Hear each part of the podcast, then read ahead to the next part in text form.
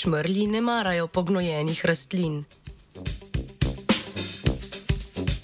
Mednarodna znanstvena skupina Univerze v Bristolu je v reviji PNAS Nexus objavila raziskavo, ki kaže, da umetna gnojila opraševalcev ne odvračajo od opraševanja rastlin zaradi vonja, temveč zaradi spremembe v električnem polju okoli rastline.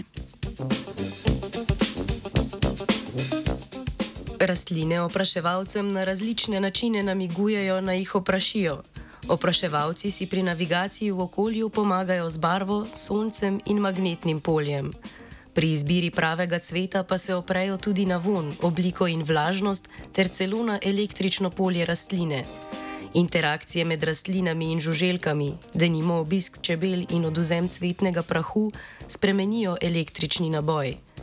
Električno polje namreč nastane iz negativnega bioelektričnega potencijala v rastlini in pozitivnega naboja v ozračju in žuželkah.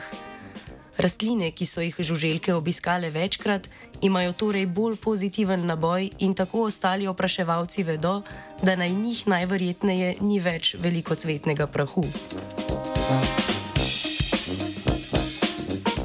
Raziskovalna skupina je preverila, kako se čmrli odzivajo na prisotnost umetnih gnojil in kaj natanko v gnojilu jih odvrača.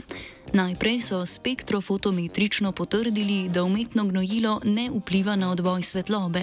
Na to so čmrljem, ki rastline pogosto razlikujejo glede na von, nastavili posodice s sladkano vodo. Okolico posodice so poškropili bodi si z vodo, bodi si z gnojilom, raztopljenim v vodi. Skupina je opazila, da so čmrli enako pogosto obiskovali posodice, tako ob gnojilu kot ob zgolj sladki vodi. Razlog za odganjanje opraševalcev se torej ne skriva v spremembi barve ali vonja. Vpliv električnega polja na opraševanje so opazovali v rastlinah v zemlji in rezanih rastlinah. Poskuse so izvedli na travniški krvomočnici, ambroziji in sivki. Pokazalo se je, da škropljenje s sintetičnimi gnojili na površini rastlin povzroči spremembe električnega potencijala, ki lahko trajajo od nekaj minut do pol ure. Te spremembe so dolgotrajnejše od naravno prisotnih manjših variacij električnih potencijalov, ki jih povzroča denimo veter ali padavine.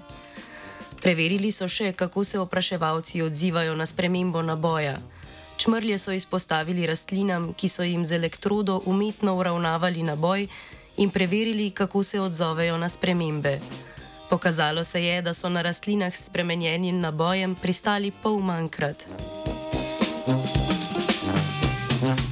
Naboj se spremeni, ker so umetna gnojila pogosto nabite molekule, ki v manjših količinah sicer ne bi vplivali na električno polje rastline, vendar se v kmetijstvu pogosto uporabljajo v večjem obsegu. Raziskava pa je pokazala, da sploh ni nujno, da je določena kemikalija v kmetijstvu toksična, pa vseeno spremeni vedenje organizmov. Potrebna je zgolj majhna sprememba navoja, pa opraševalec ne bo več vedel, kje je prava rastlina in ali se na njej nahaja cvetni prah. Three.